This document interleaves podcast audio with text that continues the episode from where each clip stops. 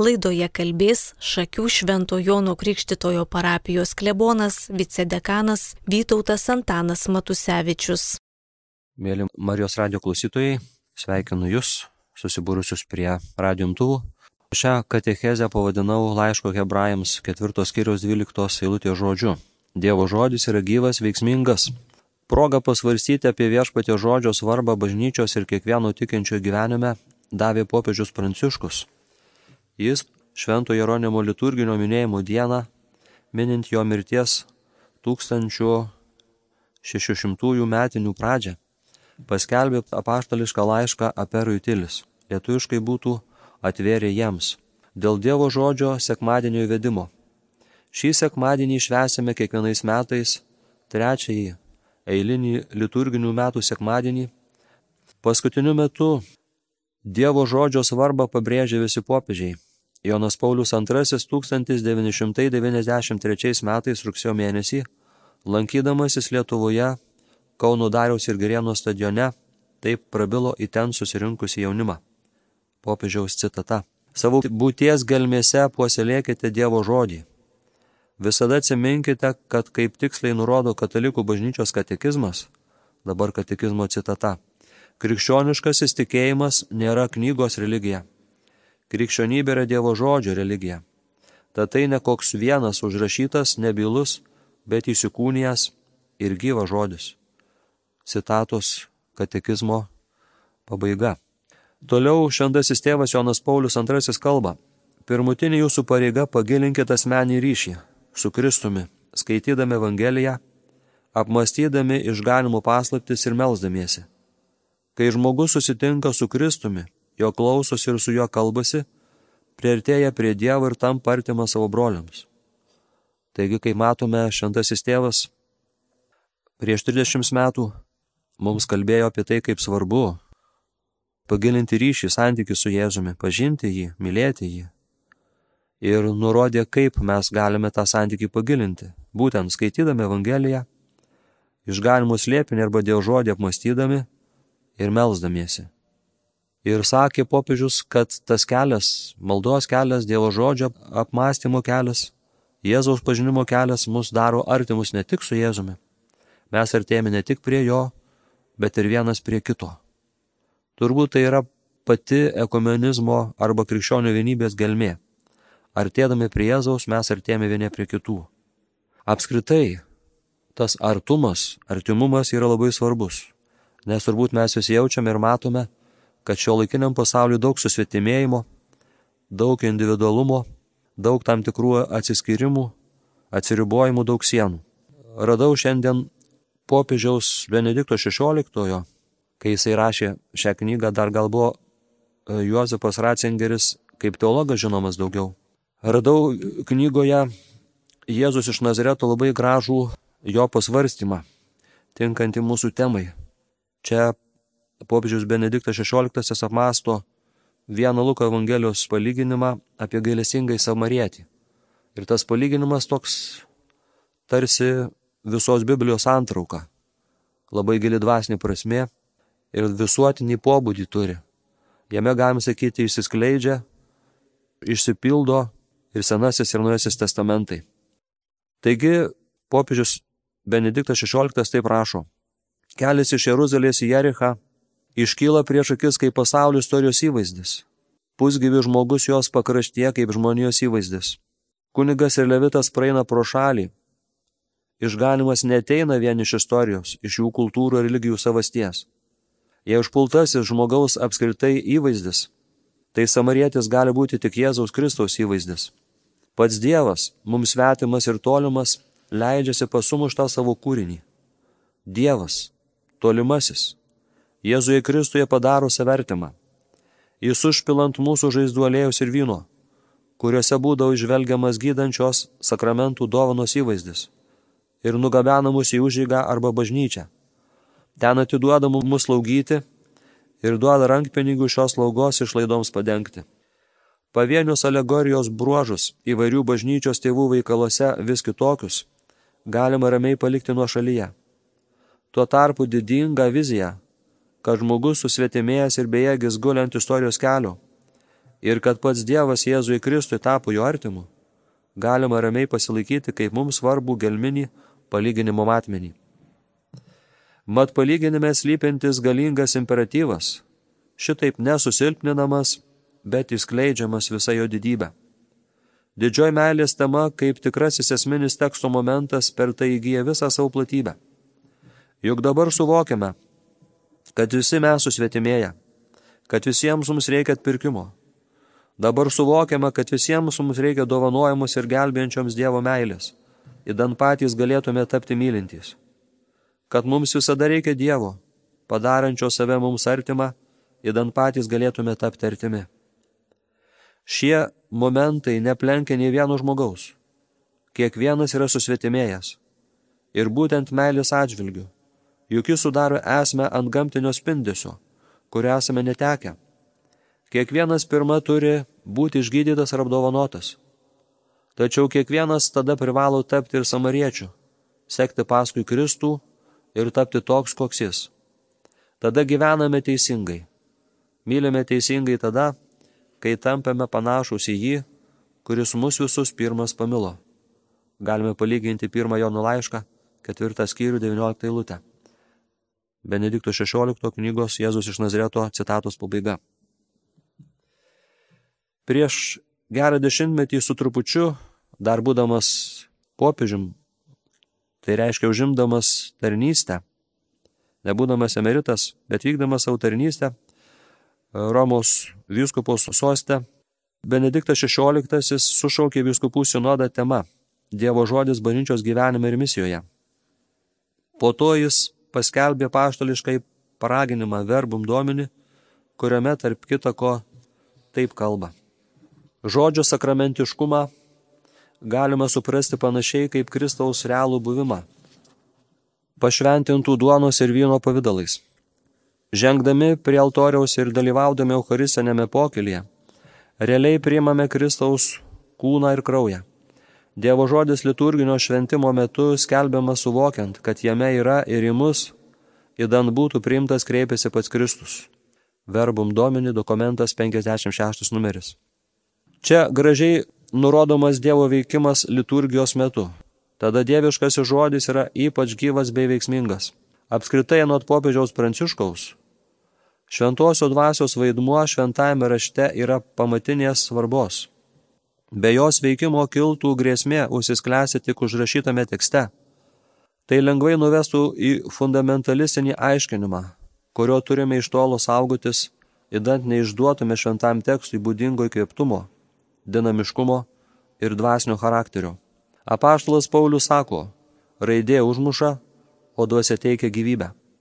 Taigi šventoji dvasia perkeičia šventai raštą į gyvą į Dievo žodį, išgyvenamą ir perteikiamą jo šventosios tautos tikėjime. Popiežiaus Pranciškaus citatos pabaiga iš jo apaštalinio kreipimosi Aperuit Ilis, numeris 9. Todėl mes vis geriau suvokiame, kad Biblija skirta ne tik tam, kad mums primintų tai, ką Dievas kadaise pasakė, kaip rašoma žurnalo žodis tarp mūsų – 2009 m. gegužės birželio mėnesio numeryje. Citata. Šventasis raštas reikalingas ir tam, kad galėtume klausytis mums čia ir dabar kalbančio Dievo. Nors esame linkę Dievo žodį laikyti kelių tūkstančių puslapių istorijų knyga, perteikiančia daug informacijos ir nuorodų mūsų gyvenimui. Bet iš tikrųjų Dievo žodis yra daug daugiau nei tik knyga. Kodėl? Pirmiausia todėl, kad jis yra šventosio dvasios įkvėptas. Dėl jame gyvenančios Dievo dvasios šventasis raštas yra gyvas ir veiksmingas.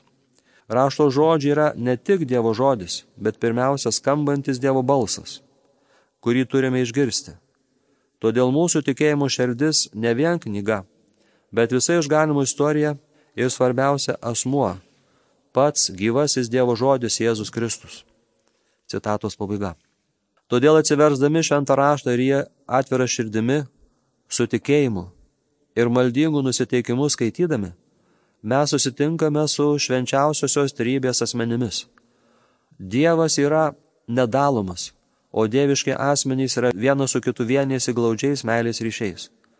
Klausydamiesi mums kalbančio Dievo, mes augame tikėjimu, nes tikėjimas iš klausimo, klausimas, kai skelbiamas Kristaus žodis Laiškas rumiečiams 10.17.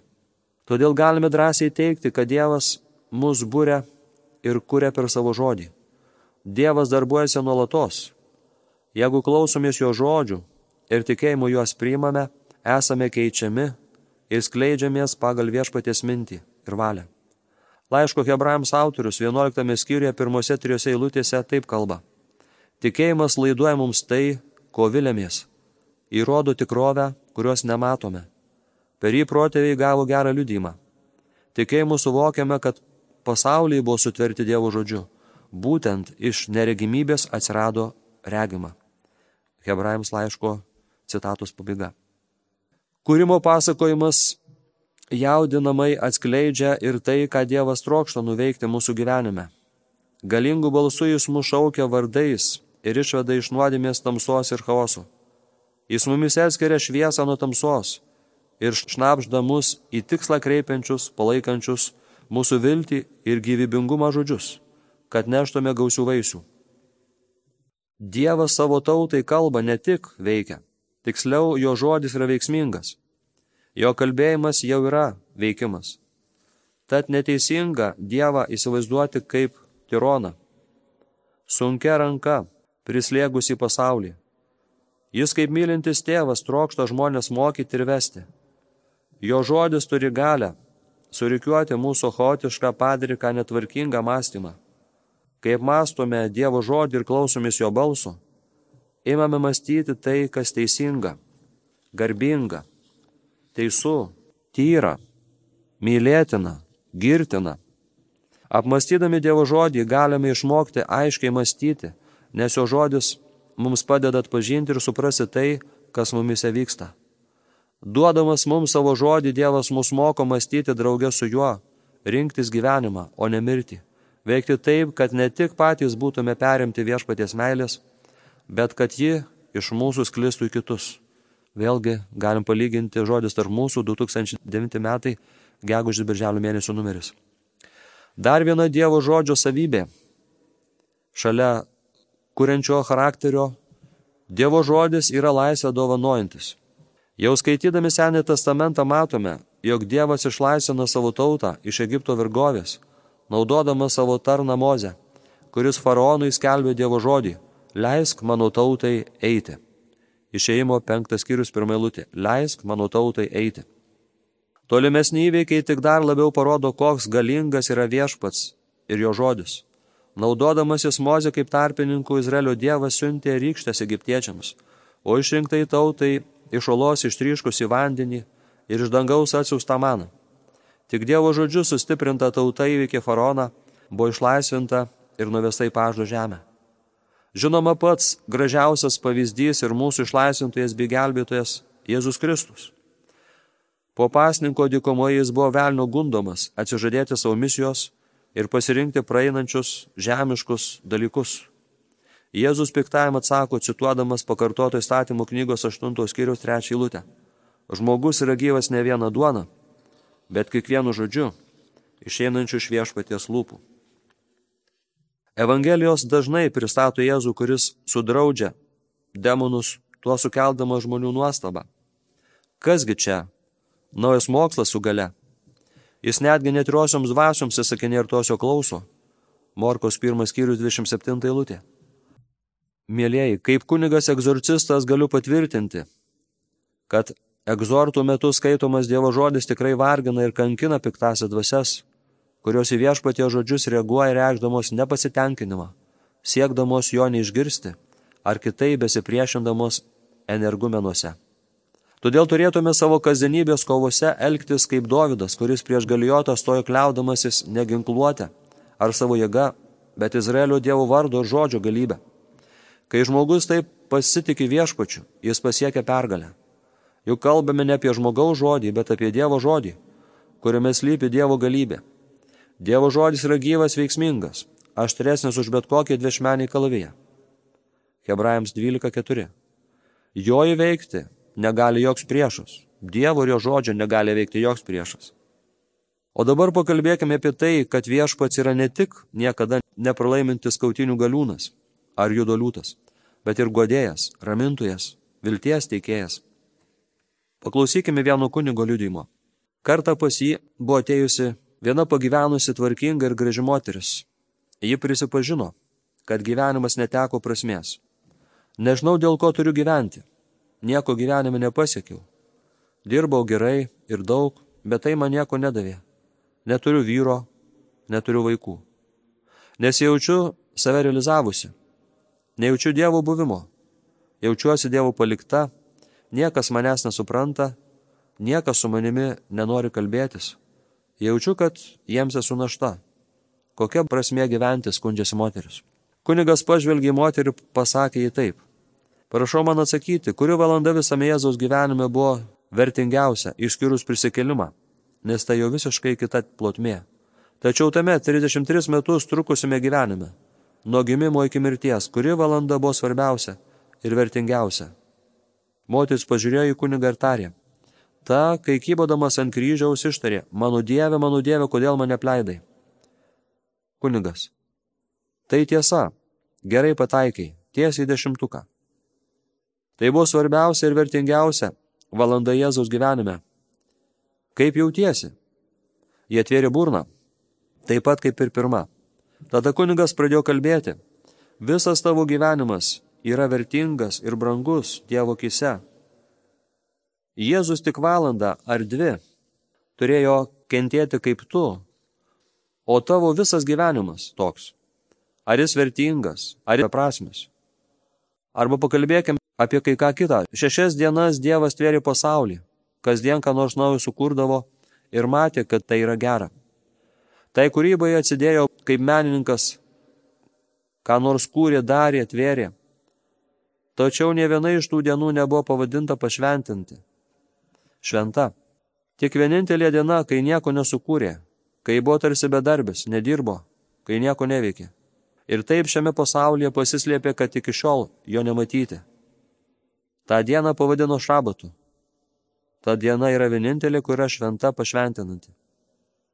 Moteris žiūrėjo į kunigą, kuris tęsė toliau. Klausyk, kai žmogus trokšta priartėti prie Dievo, tai yra svarbiausia, ar ne? Jie atsakė taip. Ir ką reikia daryti, kad prisertintų prie Dievo? Organizuoji vaišės šokius, mokslinės diskusijas? Ne. Ta žmogus išvyksta, pavyzdžiui, į rekolekcijų namus, išjungia telefoną, užsirakina duris, susikaupia, nurimsta, nutyla nori būti vienas. Nieko neveikia, susitelkia tik į Dievą. Panašiai kaip tu. Turi visą gyvenimą. Gali kasdien atlikti rekolekcijas. Gyveni kaip vienuolį karmelitė. Tau gyvenimas turi gilę prasme, nes gali sustelkti į tą, kuris yra svarbiausias. Bet aš jo nejaučiu. O jis ant kryžiaus jautė. Neprivalai jo jausti. Krikščionybė remiasi ne tuo, ar jaučiu ar nejaučiu. Svarbiau yra noras ar ko nors trokštų, ar ne. Tai svarbiausia. Galiu ką nors jausti, ar nejausti. Šiandien yra graži diena, kažką jaučiu. Rytoj bus prastas oras, Dievo nejaučiu. Negalima taip savo tikėjimą ramstyti jausmais. Tai yra klaidinga. Moteris išėjo. Matėsi, kad atgavo prasme ir gyvenimo tikslą. Ji nieko gyvenime nepakeitė, tik pradėjo kitaip žvelgti į jį. Dievo žodžio šviesoje. Kaip trūksta šių dienų žmogui šio viešpatio žodžio gilesnio pažinimo. Kaip svarbu širdimi suvokti ir priimti Jėzų ir jo žodį. Kasdien apmastydami savo kambarėliuose viešpatio žodžius, mes juos geriau išgirstam ir šventosius mišiuose, kurios ant antro Vatikano dokumento Sacrosanctum Concilium yra viso krikščioniško gyvenimo centras ir viršūnė. Tarp Eucharistijos ir švento rašto yra neskiriamas ryšys Todėl antras Vatikano susirinkimas konstitucijoje apie Dievo žodį Dei Verbum rašo. Bažnyčia visuomet gerbė dieviškosius raštus, taip kaip ir patį viešpaties kūną, nesiliaudama ypač šventojo liturgiją imti ir teikti tikintiesiems gyvenimo duoną, tiek nuo Dievo žodžio, tiek nuo Kristaus kūno stalo. Dei Verbum 21 numeris. Pritardamas šiam bažnyčios mokymui popiežius Pranciškus, apaštališkajame laiške Aperų įtilis numeris 8 rašo. Nuolatinis šventų raštų skaitimas ir dalyvavimas Eucharistijoje leidžia atpažinti musėjantį tarpusio priklausomybės ryšį. Kaip krikščionys esame viena tauta žengianti per istoriją. Esame stiprus mums kalbančio ir mus maitinančio Dievo buvimu tarp mūsų. Biblijai skirti dieną dėrėtų ne tik kartą per metus, bet ir diena iš dienos visus metus. Mums būtina artimai pažinti šventąjį raštą ir prisikėlusį, kuris niekuomet nepaliauja dalyjasi žodžiu ir duona tikinčių bendruomenėje.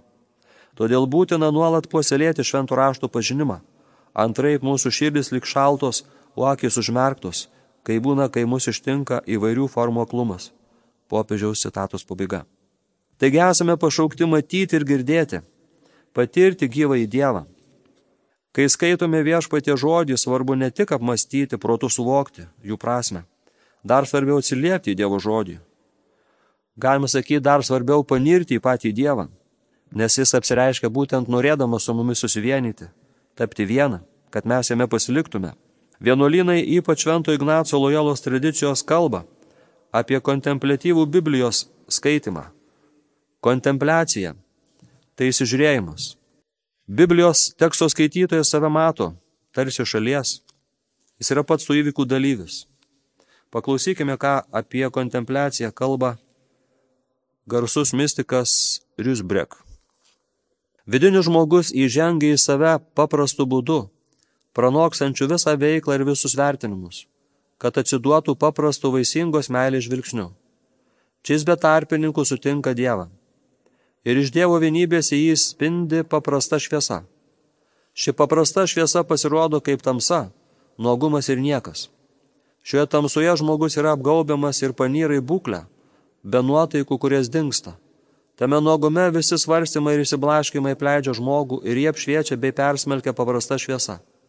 Niekume jis mato visus savo darbus virstančius niekais, nes užlietas neišmatuojamas Dievo meilės veikimo ir vaisingo jo dvasios nusilinkimo jis tampa viena dvasia su Dievu. Noriu su jumis, mėly Marijos radio klausytojai, pasidalinti savo rekolekcijų patirtimi. Prieš keletą metų teko laimė, Dievo dovana, malonė būti ignaciškose rekolekcijose su dvasiniu vadovavimu. Taigi palydėtojas dvasinis man teikdavo peną sielai, širdžiai, protui, duoda užduotis įskaityti, medituoti, apmastyti Dievo žodį, buvo daug tylos, daug maldos, švenčiaus karmento adoracijos.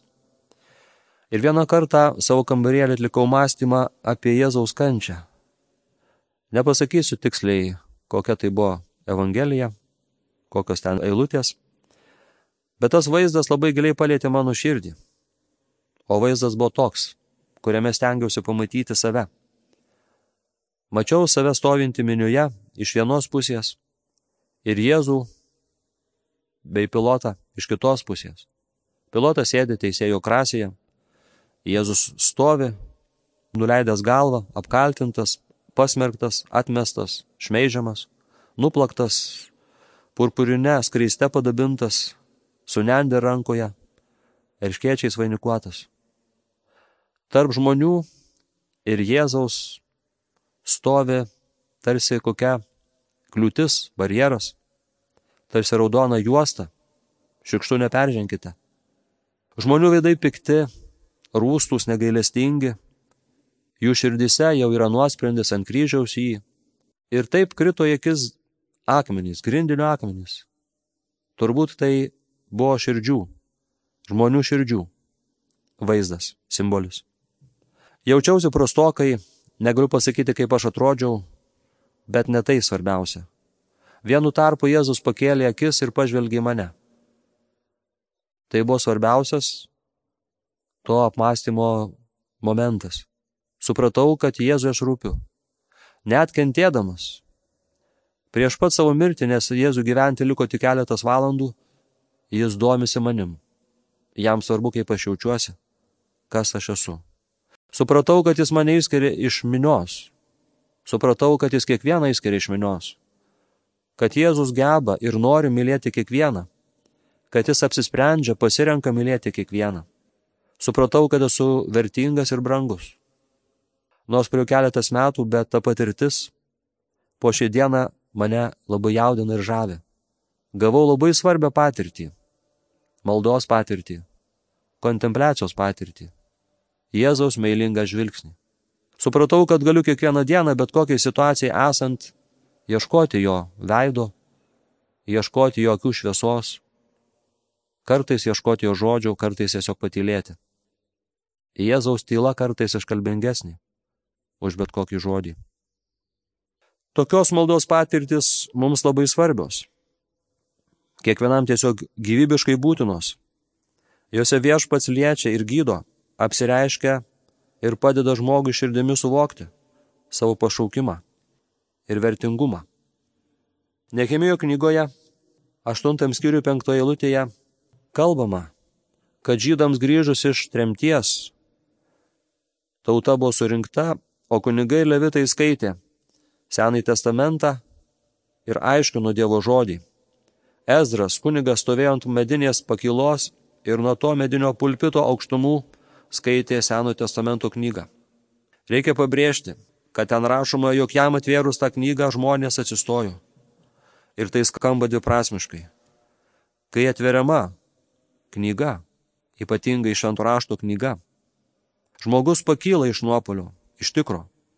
Kai knygą atvėrė, visi žmonės atsistojo. Negalima praleisti tokių žodžių. Kiekvienas iš mūsų pakyla į savo beviltiško nuopolių, nusivylimo ir beprasmybės ar nelaisės, kai pasinaudoja knyga, kai yra prakalbinami. Šventajame rašte užrašytais Dievo žodžiais. Leiskite vėl priminti tą kunigą, kurį jau citavau Jisai taip kalba savo pamokslę. Kai pradėjau tai moteriai kalbėti apie Bibliją, jos įvairius pavyzdžius, Mortą ir Mariją, Jėzų ant kryžiaus, jis taiga pakilo. Pasibaigė prislėgtumas, gimė viltis. O ką aš tokio padariau, klausė kunigas. Primeniau tik kelis tekstus. Tačiau kokią jie turi galę? Kokią jie turi galę?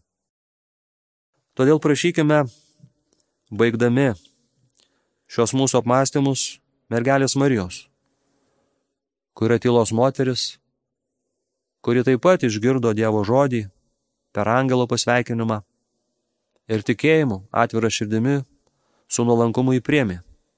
Veikiant šventai dvasiai, ta žodis tapo kūnu ir gyveno tarp mūsų. Paveskime Marijai save, savo šeimos narius, visą bažnyčią, visus rūpešius, Paveskime tą laiką, kada skaitome Dievo žodį, kad jos užtarimo dėka šventoji dvasia nušviestų mūsų širdį, pažadintų tikėjimą ir duotų kantrybės ir ištvermės ištikimai vykdyti viešpatio žodį. Marija, apgaubta tylos moterie, savo tai pagimdžiusi žodį teikianti gyvybę visai kūrinėjai.